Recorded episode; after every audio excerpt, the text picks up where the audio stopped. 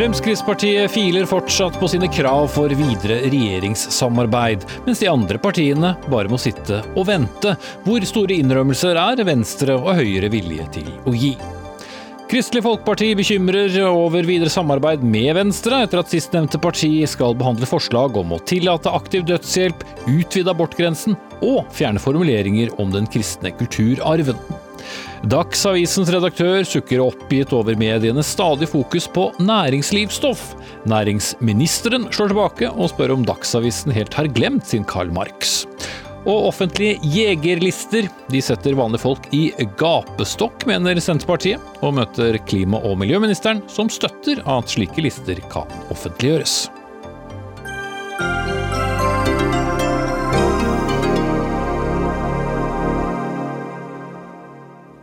Velkommen til eh, ukens eh, siste Dagsnytt 18. Eh, Jeg heter Espen Aas. Det blir neppe noen rolig helg i grilldress og stressless for ledelsen i Fremskrittspartiet i helgen, for nå jobbes det beinhardt med kravlisten som partileder Siv Jensen skal levere til statsminister Erna Solberg på mandag. Denne kravlisten kommer som kjent i kjølvannet av beslutningen om å hente hjem den terrorsiktede IS-kvinnen og hennes to barn fra Syria. Kvinnen og barna er ventet hjem til Norge sent i kveld eller i morgen. Og imens alt dette skjer, så må andre sitte og vente. Michael Tetzschner, stortingsrepresentant eh, for Høyre. Du er blant dem som eh, sier du forstår FrPs reaksjon på regjeringens eh, vedtak. Betyr det at vi burde latt de være igjen? Vi må dele opp litt her. Reaksjonen har ikke jeg gått god for. Men selve den manglende begeistring for, for, det som til slutt ble regjeringens vedtak i saken, det kan jeg dele. Og det er rett og slett fordi saken inneholder dilemmaer. Enten man mener at det var regjeringens siste standpunkt som var det beste, eller det var regjeringens tidlige standpunkt. Mm, hvor de sa at de ikke ville hente hjem ja, mødre. Det var jo også en refleks av det som, som er Eh, skal vi si, UDs arbeid med disse sakene, og det er at eh, selv eh, norske statsborgere, når de er i utlandet, så er de på egen regning og risiko. Og da, hvis man så skal påkalle konsulær hjelp, så er det jo det ikke avhengig av oppsøkende virksomhet fra norske UD, men, men at man henvender seg til, til en stasjon. Mm. Samtidig må vi jo se at dette, pga. sykdomsbildet hos gutten, så har jo dette også humanitære Eh, argumenter. Og eh, nettopp fordi saken har dilemmaer, så syns jeg det skulle være lett for partene, selv om de har forskjellig syn, å forstå og anerkjenne uh, det resultatet uh, de har kommet til, selv om man ikke umiddelbart er enig, nettopp fordi det er dilemmaer i saken, uansett hvilken side man ser det fra. Mm. Men uh, mener du da at regjeringen falt ned på riktig vedtak? Jeg mener at eh, det opprinnelige eh, utgangspunktet, som er eh, også hevdvunnet i, UDs arbeid med disse sakene, var et godt utgangspunkt. Samtidig aksepterer jeg selvfølgelig det regjeringen har gjort. Og så må jeg også si, før vi blander alle partiene inn i dette at regjeringen har truffet denne beslutningen på egen fullmakt. Dette skal ikke Stortinget forholde seg til. Vi skal ikke stemme for eller mot uh, denne saken. Og ingen behøver å se frem til å bli presset til å stemme for en sak mot sin overbevisning, f.eks. For fordi denne saken ble avgjort for fire måneder siden. Og likevel mye undring og sinne, og kanskje også innad i Fremskrittspartiet over hvordan man havnet der. Vi har spurt veldig mange representanter fra Fremskrittspartiet om å, å, være med i dag. og Jeg kunne sikkert kassert over den navnelisten, skal, skal slippe det. Men eh, vi har med mm, Sondre Hansmark fra vårt studio i Bergen. Du er satt leder av Unge Venstre. Og Hvis vi går tilbake til utgangspunktet her, eh, hente hjem med moren eller ikke. For dere i Venstre er det en selvfølge at den terrorsiktede kvinnen og, og barna kommer hjem til Norge. Har du ikke noen av Tetzschners betenkeligheter?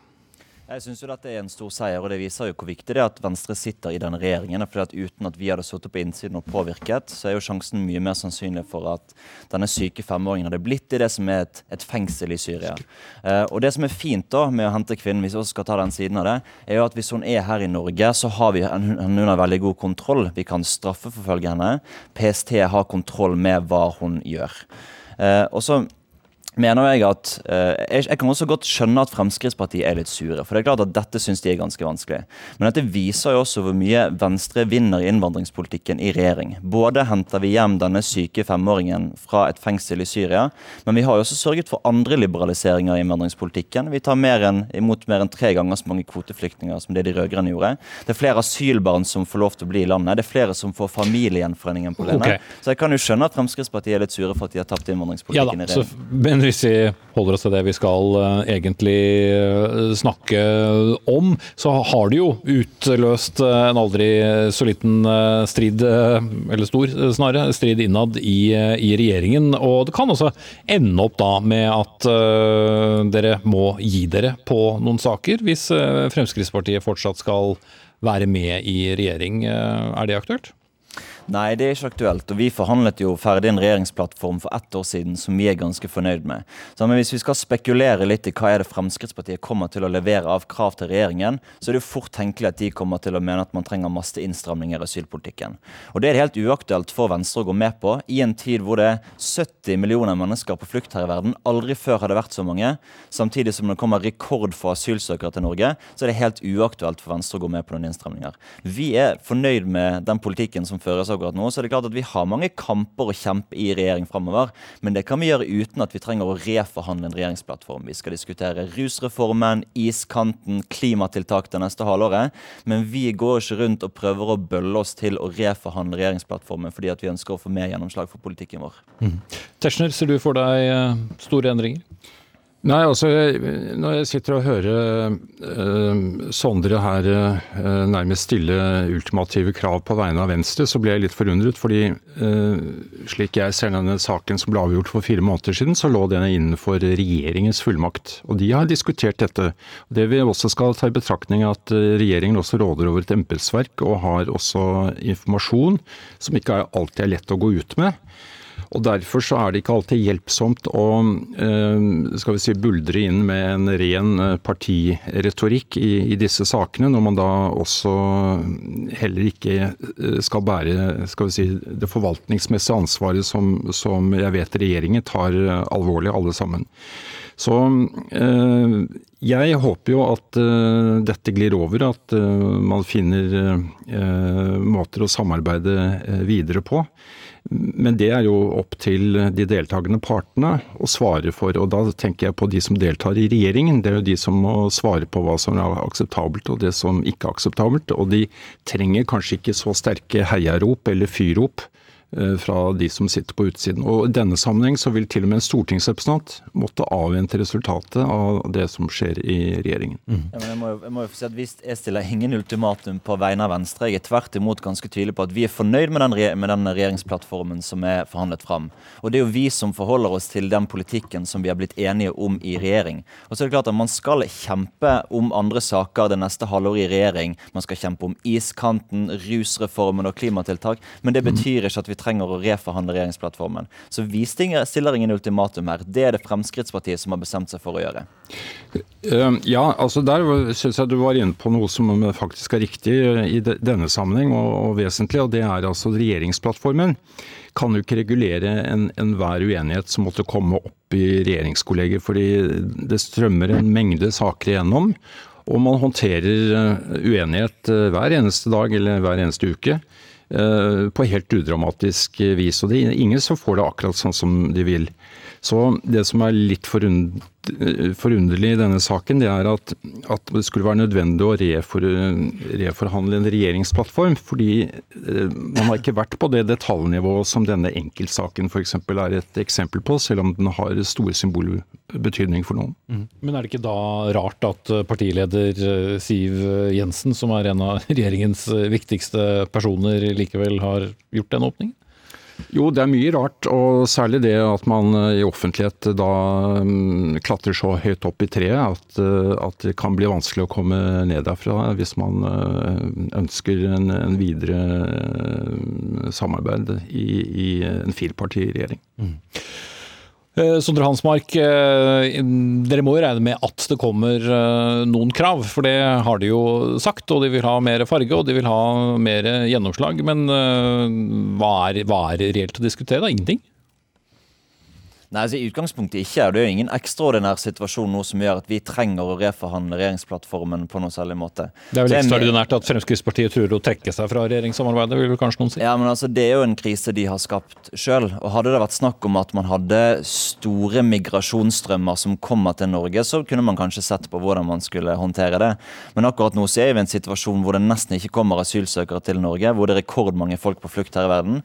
Så for oss er det helt uaktuelt å gi noen innstramninger på asyl asylpolitikken til Fremskrittspartiet. Mm.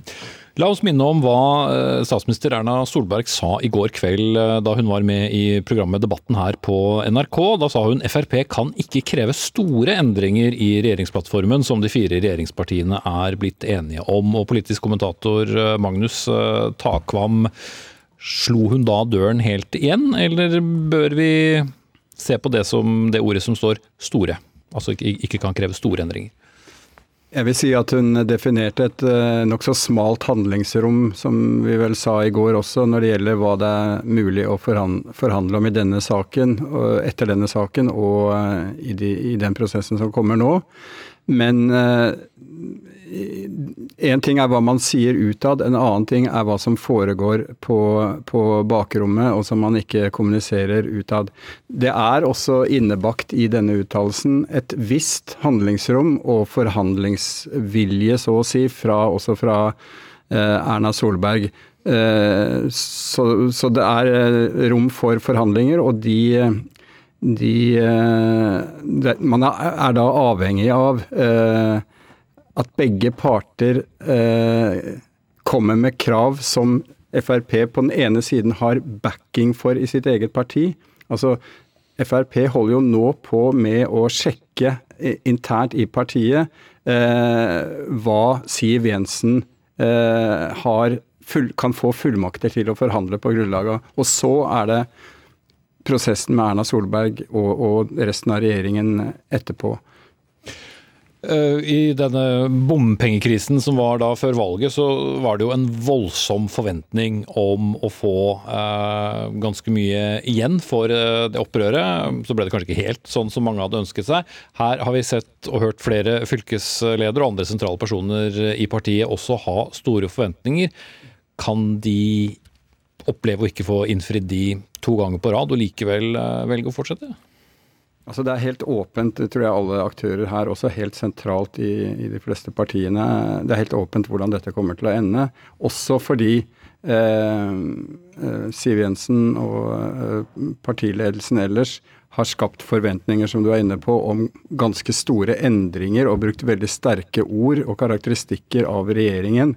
Eh, så hvis man skulle løse på en måte alt det, så, så, så ville, ville det være umulig. Nå har man snevret inn, også i Frp, eh, tror jeg, kravlisten til å dreie seg mer eller mindre spesifikt om det relevante saksfeltet vi snakker om. Utfordringen, tror jeg, blir rett og slett om, om uh, Siv Jensen kan få sitt eget parti med på det, og godta det hun eventuelt da kommer med. Og, og, og det er en veldig krevende jobb, slik stemningen i Frp er, er blitt nå. Mm. Den, har hun kontroll på eget parti?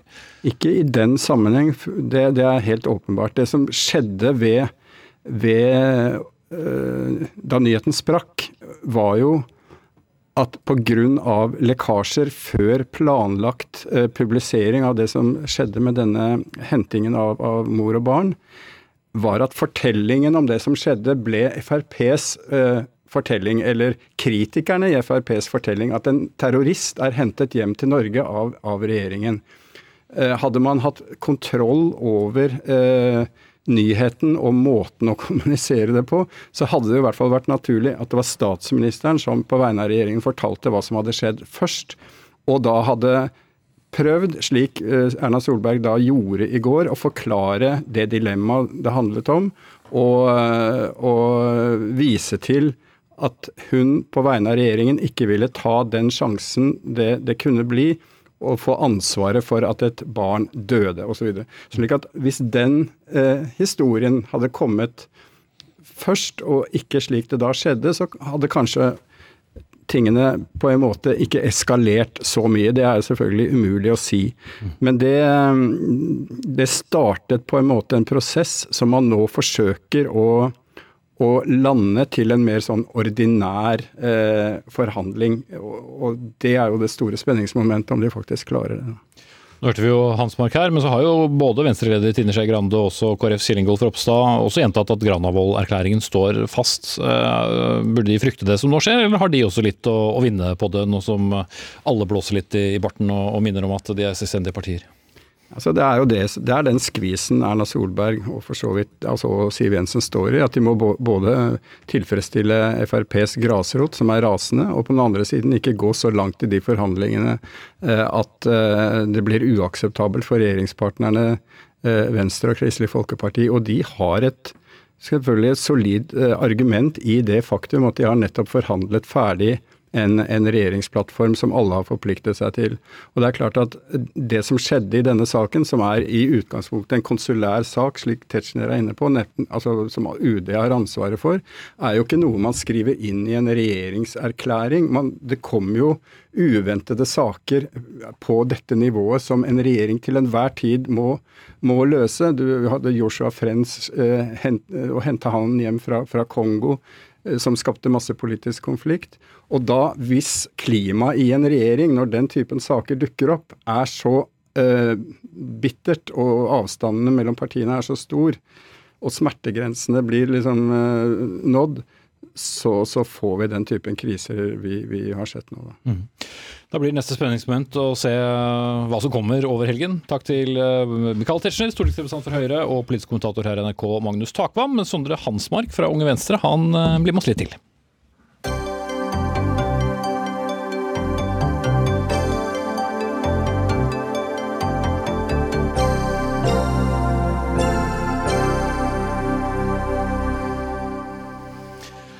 For eh, mens det naturlig nok eh, er mest oppmerksomhet eh, rundt Fremskrittspartiet og støyen der i dagens regjering, så er det neimen ikke bare fryd og gammen forresten heller. For i forslaget til nytt prinsipprogram for Venstre så foreslås det å bl.a. tillate aktiv dødshjelp, utvide abortgrensen til 22. uke i svangerskapet, og også, som det står, fjerne formuleringer om den kristne kulturarven. Og Det har gitt eh, noen bekymringer hos regjeringspartner KrF. Jo Lystebø, du er leder av eh, Kristelig Folkepartis Ungdom Vestland, og sitter også i bystyret for KrF eh, i Bergen. Men det er nå bare noen forslag til et prinsipprogram som ikke er vedtatt, da? Eh, det er helt korrekt, og jeg håper virkelig at Venstre ikke går for eh, de eh, forslagene som bl.a. foreligger herfra fra Unge Venstre Blant annet. Og jeg tror det at, jeg begynner med å si det at, at, KrF og Venstre vi har et godt samarbeid. og Det er både i regjering, viser seg i regjeringen, det viser seg i byråd her i Bergen. Og Det er fordi vi er enige om en god del viktige politikkområder. Det handler om klima, miljø, innvandring, økonomi og skatt og den type ting. Men så er det sånn at disse forslagene som vi her kan lese om at kommer bl.a. fra Unge Venstre, mener jeg viser en utvikling som jeg tror Eh, som jeg mener er trist i Venstre, eh, og som kan eh, potensielt svekke samarbeidet og gjøre det vanskeligere for samarbeidet mellom KrF og Venstre. Mm. Det sitter en mann ved din side som er uh, fortsatt Sondre Hansmark, leder av uh, Unge Venstre. Og du har jo ført mye av dette i pennen selv. Uh, men hvis vi tar opp dette spørsmålet om aktiv dødshjelp, så er jo det omstridt også innad i ditt eget parti. Du er på den siden som mener det er riktig. og for å låne ord av din partikollega Abid Raja, hvorfor skal staten ta liv? Altså Venstres prosjekt og Venstres kamp det handler om å gi folk mer makt over egen hverdag og egen kropp. Og jeg mener Det finnes to gode grunner til at man skal tillate aktiv dødshjelp her i Norge. Og Den første den er litt prinsipiell, for det handler om at hvis man da skal ha eierskap til å gjøre som man vil med kroppen sin, og gjøre hva man vil med livet sitt, så må det også bety at man har retten til å avslutte livet sitt på den måten man ønsker. Og Den andre grunnen er litt mer sånn praktisk. fordi at Hvert eneste år så ser vi at det dukker opp masse forferdelig triste historier i mediene om at det er folk som går døden i møte med store smerter. De går en uh, døden i møte med stor usikkerhet på hvordan de skal forlate denne jordkloden. Og jeg mener at det å tillate aktiv dødshjelp vil være en håndsrekning til mennesker som leder av dødelige og smertefulle sykdommer. Men som sagt, det er et veldig omstridt eh, forslag innad i det eget parti, og du hører også at eh, regjeringspartner eh, KrF har litt vondt for å svelge det. Hvorfor er det så viktig å få det inn i et prinsipprogram? For det er jo ikke det samme som at dette på noen som helst måte blir vedtatt politikk i noen regjering. Altså Prinsipprogrammet, da skal man jo gjerne se litt vekk fra hva som er strategisk, og hva samarbeidspartnerne syns er veldig lurt å gjøre. Dette skal jo nemlig reflektere Venstres aller dypeste verdier. Og er det noe alle i hele Venstrerom er enige om, så er det jo det at vi skal gi folk mest mulig makt i eget liv, og mest mulig valg i hverdagen. Og så er det helt riktig at det er, dette er omdiskutert i Venstre, om man skal tillate aktiv dødshjelp eller ikke. Men jeg blir ikke så veldig trist når, eh, når KrFU mener at Venstre går i gal retning. For det er jo ikke sånn at KrFU på noen helst som helst måte har vært opptatt av å gi folk selvstendige valg i hverdagen. Der har det derimot vært en eh, kristenkonservativ tro som har fått lov til å prege bioteknologien, abortrettigheter og likestillingen. Ja, den var vel rett til deg, den uh, Ystebø. Du kan for så vidt få svare på den fra, fra Hansmark, men jeg lurer jo også på er det så mye å bekymre deg over for når uh, det jo ikke er den samme iveren i de andre regjeringspartiene nødvendigvis? Altså, Det at KrF har eh, en del eh, restriktive syn på bl.a. bioteknologi, eh, andre menneskeverdsspørsmål, det er ikke fordi vi ønsker å være gammeldags eller fordi vi ønsker å være en bremsekloss, men det er fordi vi mener at etikken må styre teknikken. Når vi vet at vi kan gjøre en del ting, så må også vi ha en politikk for det. og Da er det viktig at det er noen verdier som ligger til grunn for det. Og, KrF sin, sine verdier er ganske tydelige. Vi ønsker å bygge vår politikk på menneskeverd. og Da er det helt utenkelig f.eks. at vi går inn for aktiv dødshjelp. og Derfor mener jeg bl.a. å reagere på at, at Venstre her vurderer å gjøre gjøre det. Og, og, det er tre bare for å ta dette med aktiv dødshjelp først. Det er tre viktige grunner til at jeg mener at det er galt å innføre. Det første er det prinsipielle i det. At en stat skal være med og bidra til å ta livet av sine egne innbyggere. Det mener jeg er en, en, en veldig eh, problematisk ting. Det andre er at man ser at dette har blitt innført i andre land. Det er ikke noe nytt. Man ser det i Nederland f.eks., hvor dette sklir helt ut. Man begynner med et ganske restriktivt lovverk, og så sklir det helt ut. F.eks. i Nederland nå, så er det sånn at av alle dødsfall som skjer der, så er 7000 av de pga. aktiv dødshjelp. Det er en helt normal måte å dø i Nederland og dø gjennom aktiv dødshjelp. Og det tredje det er det at veldig ofte så er det sånn at man, når man der er alvorlig syk, og man har eh, pårørende, eh, nære og kjære, eh, som da skal ta seg av disse, eh, så opplever de at de er til bry. Eh, og det kan også være med å bidra til at man velger å, å, å, å, ta livet sitt på den måten. og Derfor er det tre viktige grunner til at vi mener at aktiv dødshjelp er helt galt. Mm. Eh, vi kunne fortsatt bare ved å snakke om aktiv dødshjelp, men jeg bare lurer på den formuleringen også i forslaget til prinsipprogram her, Hansmark, om å fjerne formuleringer om den kristne kulturarven. Hva betyr det? Det handler ganske enkelt om at Venstre sier i stortingsvalgprogrammet vårt at vi vil fjerne alle henvisningen til kristendom i Grunnloven, fordi vi mener at Grunnloven ikke skal favorisere én type religion eller livssyn over et annet. Og Venstres prinsipprogram er på mange måter Venstres grunnlov. Og så er det på en måte, Man kan jo si at det er helt riktig at det norske samfunnet er bygget på kristne verdier, men det er også veldig mange andre impulser som også kan være verdt å nevne. Men det som er viktigst for meg når vi snakker om rollen til kristendom og religion i samfunnet, er at vi skal ha en livssynsnøytral og en sekulær stat som ikke prioriterer noen religioner foran andre. Men ikke minst så skal vi ha et livssynsåpent samfunn, hvor folk har lov til å tro på forskjellige ting, hvor vi lever med respekt for hverandre. Men med en gang staten og politikere går inn og favoriserer én én type tro over noen andre, så vil man på samme tidspunkt støte noen andre fra seg. Mm. Ikke helt uh, ord du ville brukt, uh, Ystubø? Nei, altså jeg mener at prins Prinsippet om liksom livssynsnøytralt samfunn er en skikkelig utopi. Altså Livssynsnøytralitet er ikke nøytralt. Eh, og Jeg tror virkelig at det er viktig, og det handler ikke om å favorittisere andre religioner, men det handler om at vi må anerkjenne at eh, kristendommen, eh, den kristne kulturarven, kristen humanistiske kulturarven, har spilt en viktig rolle i norsk historie, og gjør det fortsatt. Og det, er jo sånn at det er jo ikke sånn at Norge har blitt et godt land eh, kun pga. FN, eller pga. skatt eller pga. moderne velferdsordninger. Det er jo fordi at vi har hatt noen verdier som har vært vært med og preget politikken, eh, og det er viktig å anerkjenne. Jeg mener at det har en stor verdi i seg selv, at det er noe man anerkjenner både i eh, prinsipprogram i ulike politiske partier, men ikke minst også i en regjeringsplattform hvor vi har gode formuleringer på dette. Mm. Eh, kort Ystebø, disse tre forslagene, altså fjerne formuleringen om kristen kristne kulturarven, men også abortgrense i uke 22 i tillegg til Nei, unnskyld, det er uke 18. Uke 18. ja, ja. Ok. Uh, det var feil manus her, men, men uke 18, som er også uh, en, en, en, utvidelse. I, tillegg i tillegg til da aktiv eh, dødshjelp. Er det særlig tre områder som, eh, som gjør vondt for dere, Ystebø? Eh, abort, eh, det, det utspillet som kommer også på abort, det er veldig problematisk. Fordi vi mener at, at det, det, prinsippet om eh, at det ufødte barnet også skal ha et rettsvern, det mener vi er viktig. og det er det som, Derfor er vårt, våre programformuleringer klinkende klare på at vi ønsker å gi det ufødte barnet eh, mer rettsvern, iallfall ikke mindre. Jo, jeg skjønner det, men sånn, Hvis du skal se på verdisettet til KrF sammenlignet med Venstre, er dette typisk tre områder hvor avstanden er av de største når det gjelder politikken i de to forskjellige partiene?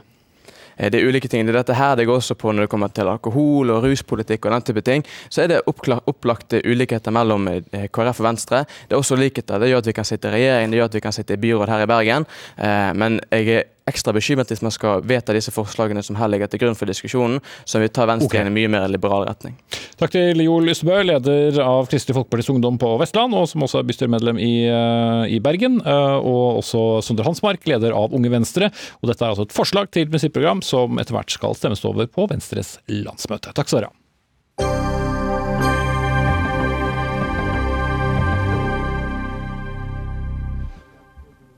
Er det for mye næringslivsstoff i uh, avisene, og er det slik at kultur, sport og utenriks uh, må vike til fordel for mer stoff om uh, børs og skal si, mindre til, til, katedral. I hvert fall så har en del medier, etter å ha ligget langt ned på dette stoffområdet, satset stort på næringslivsjournalistikk. Og vi elsker lyden av kroner, millioner og milliarder, skriver du, Lars West Johnsen, politisk redaktør i Dagsavisen og er kritisk til at mediene er opptatt av økonomijournalistikk. Er ikke det bra, da? Jeg er for så vidt ikke kritisk til at mediene er opptatt av økonomijournalistikk. Det er, eh, det er, den mengden stillinger som nå utlyses samtidig. Det var det jeg har sett. Det er det jeg prøver å skrive litt om. Eh, I 2019 så ble det utlyst et førtitalls stillinger, økonomistillinger i, norske medier. Um, og Når det endelig liksom løsner i mediene, så er det der stillingene kommer. De myke kulturstillingene de dukker ikke opp. I fjor så ble det utlyst én kulturstilling, et vikariat i Klassekampen i Norge, og én uh, utenriksreporterstilling. Så det er liksom det er volum her som jeg prøver å, å, å, sette fingeren på at det er litt problematisk. Mm. Og Hvordan tenker du det da vil prege journalistikken eh, med så mange nye næringslivsjournalister? Ja, Det vil jo definitivt prege hvordan mediene eh, ser ut, hva de sier til oss. Men, men dette er, det er ikke så gærent hvis de altså Mitt poeng er at hvis de Jeg er helt enig i at, at de tåler mer økonomijournalistikk hvis de bruke kreftene sine på refleksjon, dybde, analyse, for vi trenger kunne samfunnsøkonomi i det landet her. Det er for lite av i norske medier. Men det er veldig mye fokus på, øh, på rikdom, penger, suksess øh, og litt sånn øh, økonomijournalistikk som sportsjournalistikk. Da. Det er fokus på resultater, på prestasjoner, på tall og, og, ting som kan måles. Mm. og jeg tror at denne, denne fokus, fokus, på rikdom, ikke minst, det gjør oss litt fattigere. Torbjørn Ridsaksen, næringsminister fra Høyre. For to år siden så var du bekymret for for lite næringslivsjournalistikk, og sammen med SVs faktisk, eh, Kari Elisabeth Skaske, så gikk du ut og etterlyste mer økonomistoff. Eh, ble det for mye? Som kom? Nei, jeg, jeg syns ikke det. Nå må jeg si eh, bare først da, at jeg syns at når media kritiserer media, så er det veldig bra. Så det er tommel opp for det. Men, men det jeg reagerte på først og fremst i den kommentaren som Lars hadde i Dagsavisen 9.1, det, var, det var to ting. Det ene var en sånn fremstilling av økonomistoff på en nesten sånn krampaktig karikert måte som bare materialisme og kroner og øre og noe som er viktig for liksom en bitte liten elite som eh, bruker all tiden sin på aksjer. Mens det det i realiteten handler om, det er næringsliv, arbeidsplasser. En veldig viktig måte å speile hele landet på, og skrive om f.eks. oppdrettsnæringa, skrive om norsk industri. Og det andre var at jeg syns det var litt pussig at dette kom i en avis som jo har en ganske stolt sosialdemokratisk tradisjon. Eh, og Det er derfor jeg spurte i et lite leserinnlegg i Dagsavisen om de helt hadde glemt sin Karl Marx. For at er det noe en avis på venstresida også burde være opptatt av, så er det jo økonomistoff. Eh, fordi at dette handler om arbeidsplasser, vanlige folks hverdag, og ikke minst så får det store konsekvenser for folk. Eh, er det jo paradoksalt at jeg som høyremann minner om, eh, hvis man tar ukloke eller dårlige eller kortsiktige beslutninger i næringslivet. Høyremann som skrev innlegg sammen med SV-er, etterlyser Karl Marx. Det er et helt eh, kåseri dette her, Johnsen, men la oss ta poengene til uh, ja, Nå tror jeg Karl Marx hadde vært mer fornøyd med at vi hadde innført bedriftsdemokrati i Norge, heller det enn at hver og en av oss har blitt småkapitalister. Jeg tror ikke, jeg tror ikke oppskriften på et bedre samfunn er at vi alle er kapitalister, jeg tror ikke det er det Marx ville. Uh, men det som er mitt poeng, det er hva all denne økonomijournalistikken fortrenger. Ikke sant?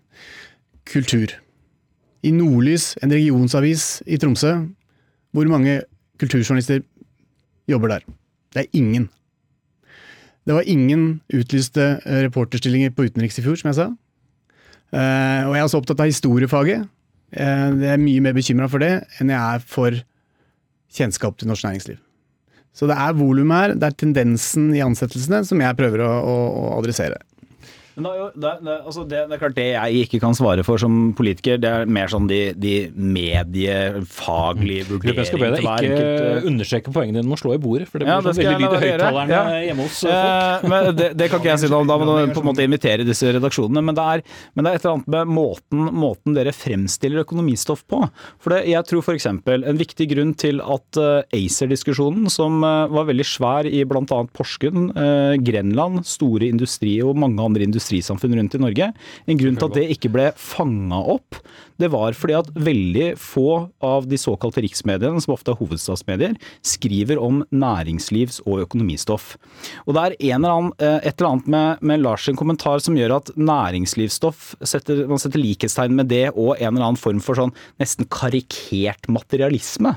Men det er jo ikke det det handler om når man skriver om oppdrettsnæringa eller norsk industri eller handelskrig mellom Trump og Kina eller brexit og tilgangen til EØS-markedet. Det handler om arbeidsplasser og hverdag. Og, og paradoksalt nok så syns jeg i hvert fall, jeg ser at i norsk presse når man skriver mindre om næringsliv og bedrifter, så skriver man også mindre om arbeidsliv og hvordan hverdagen er for mange arbeidstakere. Så for å være litt sånn spydig, da, så kan man si at jeg, jeg også har en sånn Altså jeg kom til Oslo på den tida hvor musikkpressen var, var konge og det å være kulturjournalist var alfa og omega, og jeg syns det var helt supert å lese om konsertene i Oslo. Men det var litt slående at ingen skrev om de store arbeidsplassene også, hvor folk faktisk jobba i området hvor jeg kom fra. Mm. De færreste av oss står vel opp om morgenen uh, for å tjene penger, eller for å, for å Altså, vi, vi, står ikke opp Det er ikke livet vårt. Økonomi er ikke livene våre. Det er så mye annet. Uh, og det er det jeg er bekymra for. Uh, men jeg er enig med, med, statsråden her i at vi har plass til mer folkeopplysende journalistikk om lønnsdannelse, om trepartssamarbeidet osv., om arbeidsplasser. Absolutt. Men det jeg er redd for, er jo at, at, denne journalistikken ikke blir den dybdejournalistikken som vi trenger, men at det blir mer sportsjournalistikk innen økonomien. Mm, som du sa. Ja. Men for, Du skal jo ikke gå veldig langt tilbake til Aftenposten hadde et helt uh, økonomilegg eller en økonomidel. NRK hadde Økonominytt uh, på morgenen, og så forsvant jo alt dette. Men du tror ikke at det er det vi får tilbake? Altså det som forsvant da alle mediene begynte å spare inn, og nedprioriterte økonomistoffet? Det gjenstår å se. da. Det er jo, den store satsingen er jo Skipsted som gjør, som, liksom, sammen med regionavisene Stavanger, Bergen uh, Dagbladet har jo startet en egen uh... Ja, men det, Dagbladets satsing er et eksempel. da. Der er det veldig lite dybde. Det er mye snakk om penger, rikdom, overflate. og Hvis det blir mer av det, hvis det er eksponenten, så tror jeg ikke vi vinner på at vi får mer økonomijournalistikk. Får vi mer opplysende økonomijournalistikk om LO, om lønnsdannelsen, om trepartssamarbeid osv., så, videre, så er det veldig bra. Men, men jeg, tror, jeg tror, det, det, det, følger på en måte med. Men jeg er helt enig at altså, hvis det bare er eh, se og hør på nett, men om finanseliten, så er det på en måte begrensa, nytte. Det kan være artig på samme måte som kjendisstoff er artig.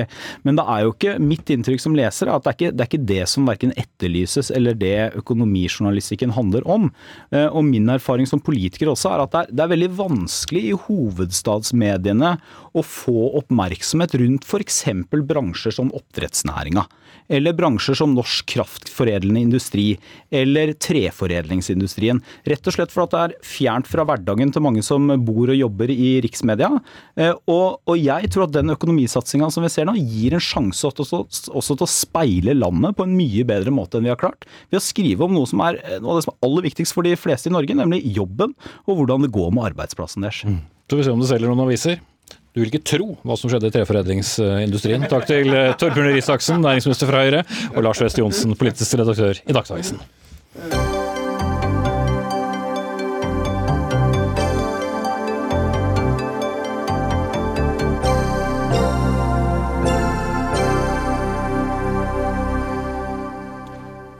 Litt eh, senere i sendingen skal vi snakke om at det er nøyaktig ett år siden den meget omdiskuterte EAT-rapporten som foreslo å bare spise kjøtt én til to ganger i måneden, og et par egg i uken kom. Og vi skal da høre at stiftelsen til Gunhild Stordalen vil ha politikernes hjelp til å få det hele til. Eh, det skal for så vidt eh, handle litt om, eh, om dyreriket nå også, men ikke til spising. Rett før jul så tillot Miljødirektoratet at navnelistene på det som heter da lisens- og kvotejegere i Jegerregisteret, altså de som får lov til å jakte på lisens eller ta ut kvoter, kunne offentliggjøres. Så hvis du f.eks. lurte på hvem som har lov til å skyte ulv, så kunne du finne ut av det. Og det har fått eh, flere til eh, å reagere, bl.a. deg, stortingsrepresentant fra Senterpartiet Ole André Myhrvold, for dette er rett og slett en, en dårlig idé, ifølge deg? Ja, jeg syns dette er en dårlig idé. Uh, vi veit hvor konfliktfylt denne rovdyrdebatten er. Og det å offentliggjøre navnene på alle som har søkt om lisensjakt, uten å innhente noe som helst eh, samtykke eh, fra disse personene, det syns jeg er en dårlig idé, fordi at det bidrar til å øke konfliktnivået. Det gjør at eh, en del av disse jegerne og deres nærmeste familie mottar trusler, og til det til tross for at de ikke har gjort noe galt, annet enn at de har registrert seg som aktuelle lisensjegere. Mm. Vet vi at de får trusler? Ja, det vet vi. Eh, vi vet jo at leder, jaktlederen eh, i ulvefellinga nå, der kom jo trusselen til dattera hans sin mobiltelefon rett etterpå.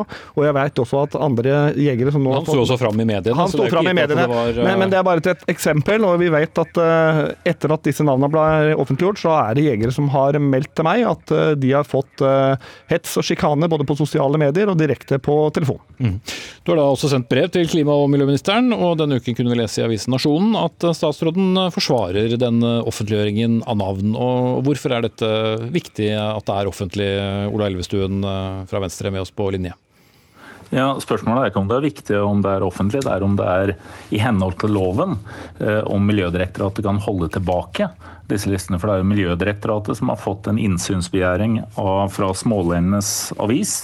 Eh, de Først så avviste de denne etter, med begrunnelse i at det var vanskelig å sammenstille opplysningene. Men så når de hadde kontakt med Brønnøysundregistrene, så viste det at det var enklere enn, man forventet tidligere. og Da er det ikke noe grunnlag etter, etter offentliglova til å kunne ikke offentliggjøre disse listene. Så det er på bakgrunn av det lovverket vi har omkring offentlighet, som gjør at Miljødirektoratet har, har frigitt det. Nå er jo ikke du heller helt ukjent med at dette er et konfliktfylt uh, område, Elvestuen. Men er det en god idé at man skal kunne vite hvem som har lov til å, å felle da, ulv, som vel er det største stridstemaet? Ja, Det er jo mer et spørsmål til Smålenenes avis som jo er de som har bedt om denne innsynsbegjæringen, og også, også, senere har offentliggjort den.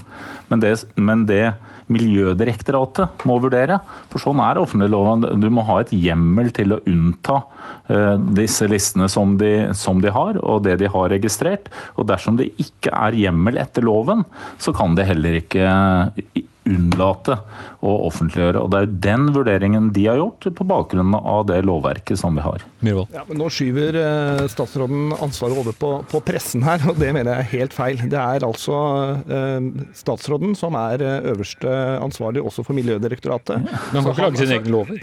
Jo, men kreftloven har også en paragraf som heter paragraf 24, hvor det er noen unntaksbestemmelser, bl.a. hvis det kan føre til hets og sjikane og den type ting, eller legge til rette for kriminelle handlinger. Eh, og det å på en måte måte nå blåse ut 50 eh, 000 eh, navn hvor det finnes våpen i husstanden. Eh, jeg syns ikke det er særlig lurt. Så kan du godt si at vi har ganske strenge lov, våpenlover i Norge, og, og, ting skal være atskilt i forhold til ammunisjon og våpen og den type ting. Men allikevel så tror jeg dette er svært lite lurt. Og det er jo på samme måte at vi offentliggjør ikke hvor politifolka våre bor. De utfører en tjeneste for samfunnet, og det har ikke noe i det offentlige å gjøre. Og det, å Men det er vel heller ikke offentlig tilgjengelig? Nei, ikke sant. Og det burde ikke dette vært heller heller. Og det er også noe med det at uh, i dag er det en personlovgivning som er blitt så streng at du knapt nok får delt ut deltakerlister når du er på et vanlig seminar. Uh, men her er altså jegernes navn offentliggjort uh, over en lav sko, vil jeg si. Uten at de har fått mulighet til å trekke seg, uten at de har fått beskjed om at navnet nå vil bli offentliggjort. Men det, er, men det er loven du da er uenig i, og det er altså Miljødirektoratet som har gjort denne vurderingen. Og de har også vurdert det etter paragraf 24. Hvis, ja, hvis innsyn ved lette gjennomføring av straffbare handlinger eller utsette enkeltpersoner eh, for fare. Eh, og De mener at denne faren ikke er på et slikt nivå at innsyn kan nektes, og heller ikke er noe grunnlag på målrettede tyverier av jaktvåpen. Og De har også vurdert det etter personopplysningsloven og EUs personvernforordning. Og Da mener jeg at det er ikke noe, det er ikke noe grunnlag på bakgrunn av det lovverket vi har, og den innsynsbegjæringen som Smålens Avis har bedt om. Så, at så mye kan... sak? Nei, da må, man, da må man, da må han, Det er Stortinget som har laget lovverket, og vi har, og det er et viktig demokratisk prinsipp, at vi har stor åpenhet i Norge. Eh, og man skal også være varsom med å stramme inn på det lovverket som sikrer den åpenheten i forvaltningen som eh, vi trenger.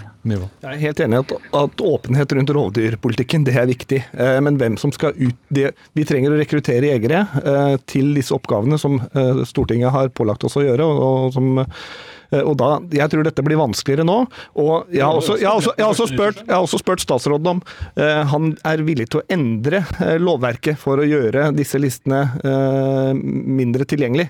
For jeg mener at dette har ikke noe i offentligheten å gjøre. og Det har da Elvestuen da svart i et svar til meg, at det er han ikke villig til å gjøre. Det mener jeg at det bør man gjøre, og man bør i hvert fall sjekke nå konsesjonsbestemmelsene til Jegerregisteret. Er det sånn at den halve millionen navn som er registrert der, er offentlig tilgjengelig, eller er det ikke offentlig tilgjengelig. Jeg mener at det ikke bør være offentlig tilgjengelig, for det har ikke noe offentligheten å gjøre hvem som har våpen, og hvor man kan finne våpen. Jeg tror det er veldig, Man skal være veldig varsom med å, å innskrenke offentliglova på bakgrunn av denne enkeltsaken. For du har unntaksbestemmelsene hvis innsyn vil lette gjennomføring av straffbare handlinger eller utsette enkeltpersoner for fare. Så det er jo den vurderingen som må gjøres i det enkelte tilfellet. Her er vurderingen at det ikke har den, eh, den betydningen til sånn at man, så man med loven og lovhjemmel kan, kan eh, holde tilbake opplysningene. For det er klart at Hvis man går inn på det og Senterpartiet vil, nemlig at du skal generelt skal innskrenke offentligheten og innskrenke lovverket som mindre vil bli offentlig, så vil jo det treffe langt mer enn akkurat disse eh, registrene. Da vil du få en innskrenkning generelt. Men det er ikke det du egentlig ønsker deg, eh, Myhrvold. Men da kan det jo, mine herrer, se ut som, og beklager at det er hypotetisk, men at man kanskje ikke kommer noe videre i den debatten før eventuelt noen blir oppsøkt hjemme? Nei, og det er jo det som er, eh, er, faren. da. Eh, for jeg tenker at de har eh, mulighet i dag etter paragraf 24 å innskrenke.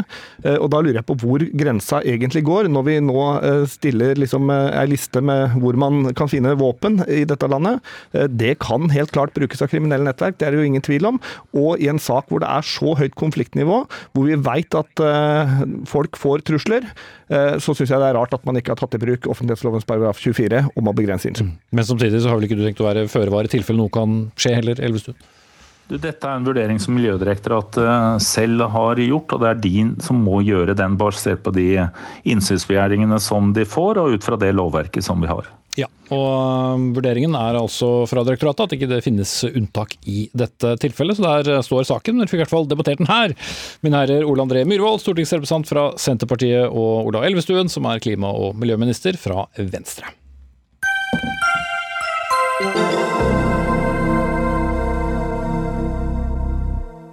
Tomme kirker som ja, råtner på rot, eller i hvert fall uh, står der uh, ubrukt. Hva skal vi gjøre med dem? Bør de rives? Biskopen i Nidaros, Herborg Finseth, sa i sin nyttårstale i Nidarosdomen at denne uken at de gamle kirkene ligger ikke lenger der folk bor, med godt over 1600 kirker og kapeller rundt omkring i landet er det i hvert fall både dyrt og tidkrevende å holde dem ved like.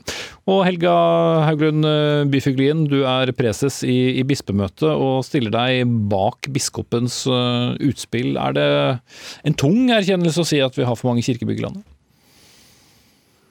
Kirkebyggene de betyr svært mye for folk.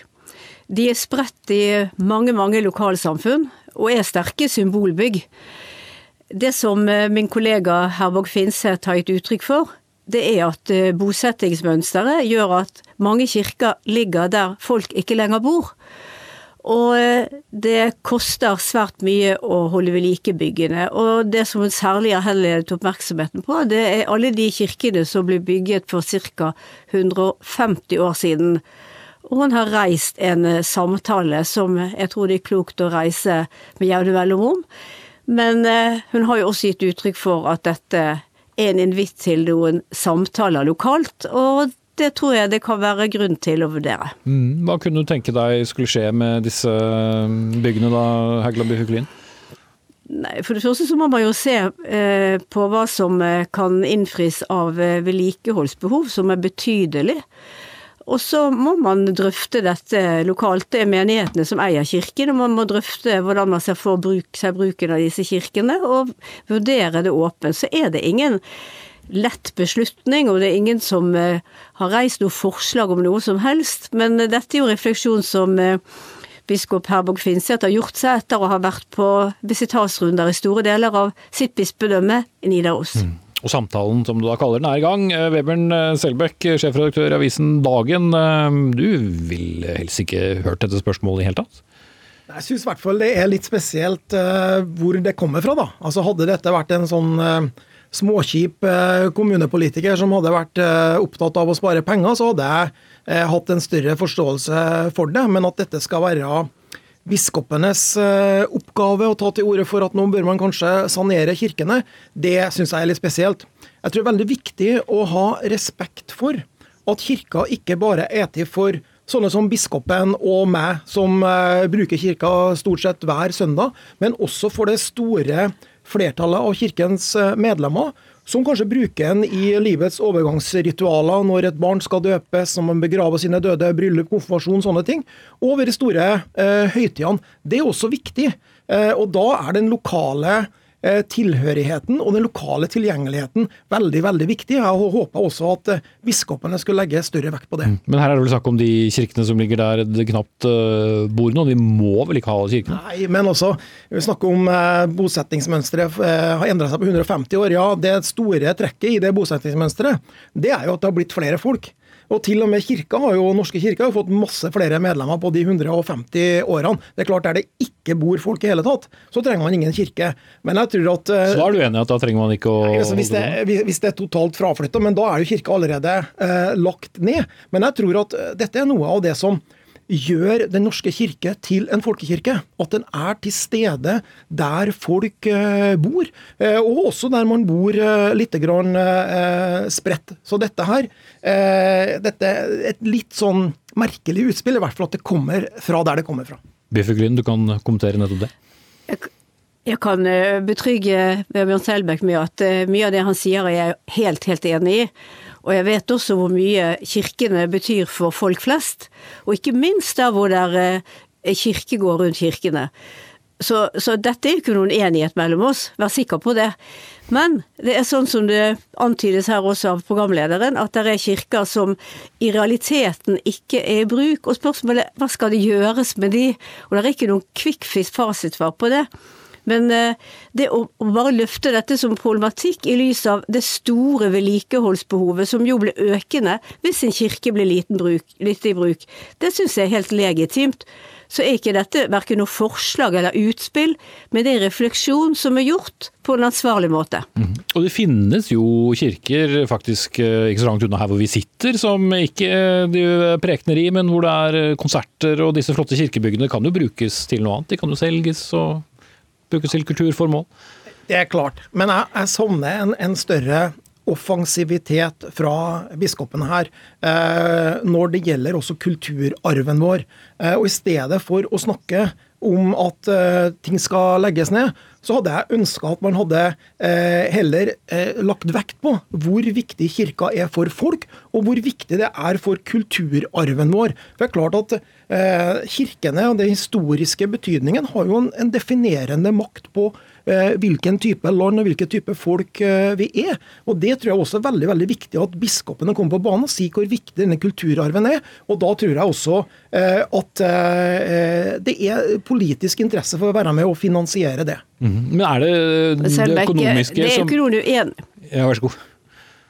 Ja, Selbekk, det er da ikke noen uenighet mellom deg og meg på det du sier her, det vet du da vel. Vi løfter vel frem dette store perspektivet ved enhver anledning, og vi vet så mye om hva kirkene betyr for folk. Så her er det jo ikke snakk om en, en, en en offensiv eh, i retning av å, å, gjøre noe med kirkene, men det er å reise en samtale i et lokalmiljø hvor det er veldig mange kirker, og hvor det bor lite folk eller de har flyttet. Hva skal man gjøre med kirkene? Det er en samtale som faktisk er ganske ansvarlig å, å løfte frem, men dette er jo ikke på noen måte for å nedskrive hva det betyr for folk at kirken fins, og det er viktige symbolbygg, også i et landskap. Selvfølgelig beskriver det vår kulturarv. Mm. Er det det økonomiske som du først og fremst er eh, bekymret for, eh, i så fall, Bifugli? Altså, det som biskop Finseth har løftet frem her, det er jo at i en tid hvor også ressursbruken må vurderes, så er det grunn til å se på hvor mye ressurser skal brukes på kirkebyggene. Men hun gir også samtidig uttrykk sterkt for at kommunen, som jo gjennom fellesrådet har ansvar for kirkebyggene, de er positive, så dette er ikke først og fremst et trykk fra noen andre enn at det er løftet frem som en, en tematikk. Og så viktig som den er, men samtidig i denne sammenhengen relativt udramatisk, for det er et oppspill til en samtale. Mm. Kort til slutt, uh, Selbekk. Er det ikke bare bra at uh, våre geistlige er, er, opptatt av det? Ja, ja da, det, men, men, jeg ønsker lykke til med den samtalen i lokalmiljøene. Og uh, ja, Det skal bli interessant å se når man da kommer med konkrete forslag og ønsker å legge ned den og den kirka. Det vi jo ser i lokalsamfunnet, er jo at når en kirke brenner, altså forsvinner, mm. da samler jo bygda seg og ønsker å gjenreise dette her. Og det viser litt hvor mye kirka betyr, også for de menneskene som ikke akkurat renner ned dørstokkene hver søndag. Mm. Dette kunne, akkurat det samme kunne jeg sagt. Jeg har stått på sånne branntomter, så dette vet jeg ganske mye om. Så bra. Da er det en slags eh, enighet. Og hvis noen også er på jakt etter, etter bygg med, med, høy dør og, og vid port, så er det i hvert fall en del eh, å finne. Takk til Helga Haugland Byfuglien, preses i bispemøtet og sjefredaktør i avisa Dagen, Vebjørn Selbekk.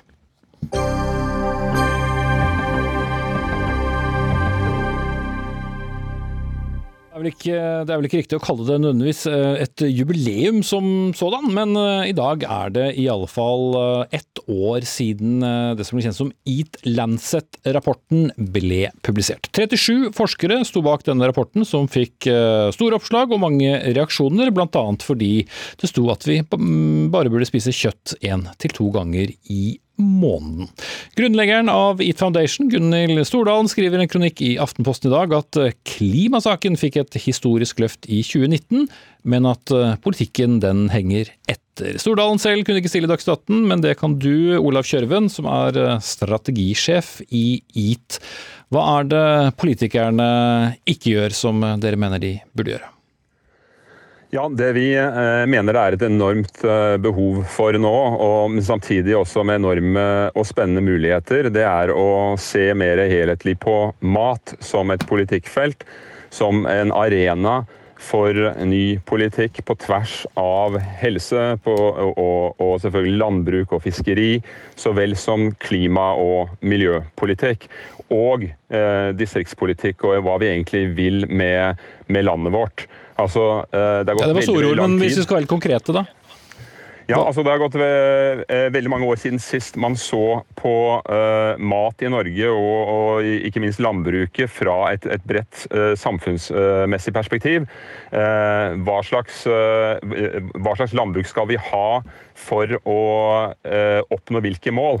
Og, og, nå, gitt den kunnskapen vi har om det enorme fotavtrykket til mat i forhold til folks helse og i forhold til miljøet, så er det på høy tid å eh, se på dette. Og en matmelding kunne være en utmerket måte å få den eh, både diskusjonen i gang på, men også eh, skape en mye sterkere og bredere forståelse for hva vi faktisk kan gjøre med eh, natur- og ressursgrunnlaget vårt for å eh, bygge en bedre matfremtid for Norge, og også vise vei for resten av verden.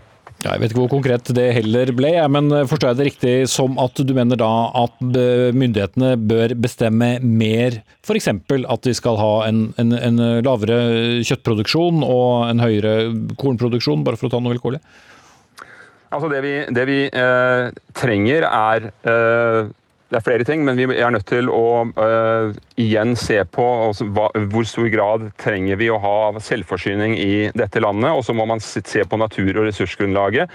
Uh, hvordan vi skal møte det på best mulig måte fra igjen både et helse- og et miljøperspektiv. Og da er det nødvendig å se på uh, altså konsekvensene av å ikke ta eh, matens eh, effekt på helse alvorlig. Altså Bare det at nordmenn ikke følger kostholdsrådene, koster 150 milliarder kroner per år okay. i, i helsekostnader. Og det burde vi ta alvorlig.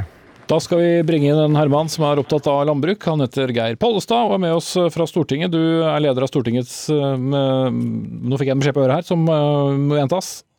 Ja, Du er leder av Stortingets næringskomité, og du har tidligere altså vært kritisk til denne EAT-rapporten. Er du likevel enig i antydningene fra Kjørven her? Jeg mener at uh, de, når de feirer ettårsjubileum, at de, de hauser sin egen rapport uh, opp altfor mye. Eh, denne rapporten gjorde jo at debatten kom ut egentlig på en feil, feil måte i Norge. Fordi at vi, de la fram en rapport som eh, lagde en global eh, diett. Eh, en eh, global anbefaling om hva folk burde ete. Eh, og så er jo sannheten at mange, de ulike landene i verden er forskjellige. Og vi trenger ulik landbrukspolitikk og ulike virkemidler til etter hvor i verden en er hen. Og så er det jo dette at en etterlyser politikk, det er vi i full gang med. Blant annet så er det viktig at vi produserer mer frukt og grønt i Norge, der vi baserer oss på mye eh, import. Eh, Senterpartiet har nylig hatt et forslag i Stortinget om å øke selvforsyninga i Norge, legge om landbrukspolitikken for å øke selvforsyningen. Eh, vi gjør jo det på utgangspunkt i norsk natur, norske ressurser, norsk landbruk. Vi tar ikke utgangspunkt i den virkelighetsfjerne rapporten til EAT, eh, og det er veldig viktig. Men her skjer det viktige prosesser, eh, og det vil også fortsette å skje framover. Fordi at forbrukerne vil endre seg. De har ikke endra seg veldig mye, men de vil endre seg noe. Jo, men det er poenget til Kjørven at politikerne må hjelpe litt til, da. Jo, men Folk skal få lov å vite det de vil. Eh, og så skal vi ha en landbrukspolitikk og et landbruk som produserer en størst mulig del av det som norske forbrukere etterspør. Det skal produseres i eh, Norge. Altså vi må øke selvforsyningsgraden eh, i Norge. Og da må vi òg ta politiske virkemidler. F.eks. så mener Senterpartiet at vi må styrke tollvernet. Fordi at det er billigere å produsere grønnsaker og frakte de til Norge okay. enn å produsere de i Norge. En litt, da må en litt vi ha politikk for å gjøre det. Nei, dette er en del av en samla politikk for å styrke selvforsyningen i Norge og bruke naturen i Norge mm, til å produsere mat. Der tenker du annerledes, Kjørven? Altså, jeg tror det er veldig mye man kan uh, være enige om her, og, og, og, veldig mye som kan gjøres for å styrke både selvforsyningsgraden og eh, ingrediensene i i det vi faktisk uh, uh, har på tallerkenen i, til daglig i, i Norge. Og Det er selvfølgelig ikke slik at, at, noen skal bestemme hva folk skal spise, men vi har politikk og vi har politikere for å lage rammer som oppmuntrer, både, altså, oppmuntrer folk til å velge det som er eh, bra for dem og bra for samfunnet som helhet. Det gjør vi på alle mulige politikkområder, og det er ingen grunn til at det ikke skal gjelde mat også. Mm. Eh, det, det, er litt tid igjen. Pål, bare spørre deg. Et studie i det medisinske tidsskriftet Lancet viser at vestlig kosthold da dreper flere enn en, en røyking. Bør vi ikke være vel så mye opptatt av folks helse som av norsk eh, landbrukspolitikk? Jo, altså vi må jo ete sunt. Eh, jeg mener det er mulig å spise eh, sunt kosthold og òg eh, spise kjøtt, spise fisk. Eh, noe som EAT-rapporten jo anbefalte at vi skulle redusere forbruket av begge deler. Vi må òg se på hvilken type land er med. Og Norge er et land der det er veldig vanskelig å dyrke mye korn og grønnsaker. Vi har veldig, veldig, mye areal som der vi kan dyrke gras. Skal vi, vi folk kan ikke ete gresset direkte, det må gå gjennom et, gjennom et dyr. Og det at vi har beitedyr i Norge, til å produsere mat har liksom vært kjernen i det norske eh, jordbruket, i den norske selvforsyningen, og det kommer det òg til å være i framtida. Okay, og det er men... der denne rapporten er så trøblete, og det er der denne tilnærmingen til at en har en global standard okay, som er så uheldig. Der må jeg sette et aldri så lite punktum. Takk til Olav Kjørven, strategisjef i EAT, og Geir Polstad, stortingsrepresentant for eh, Senterpartiet. Vi har levert våre 295 minutter med Dagsnytt 18 også denne uken. Nå skal vi bare rydde opp og ta helg. Ansvarlig Odd Nytrøen, teknisk ansvarlig Finn Lie. Jeg heter Espen Aas. Vi er tilbake igjen på mandag.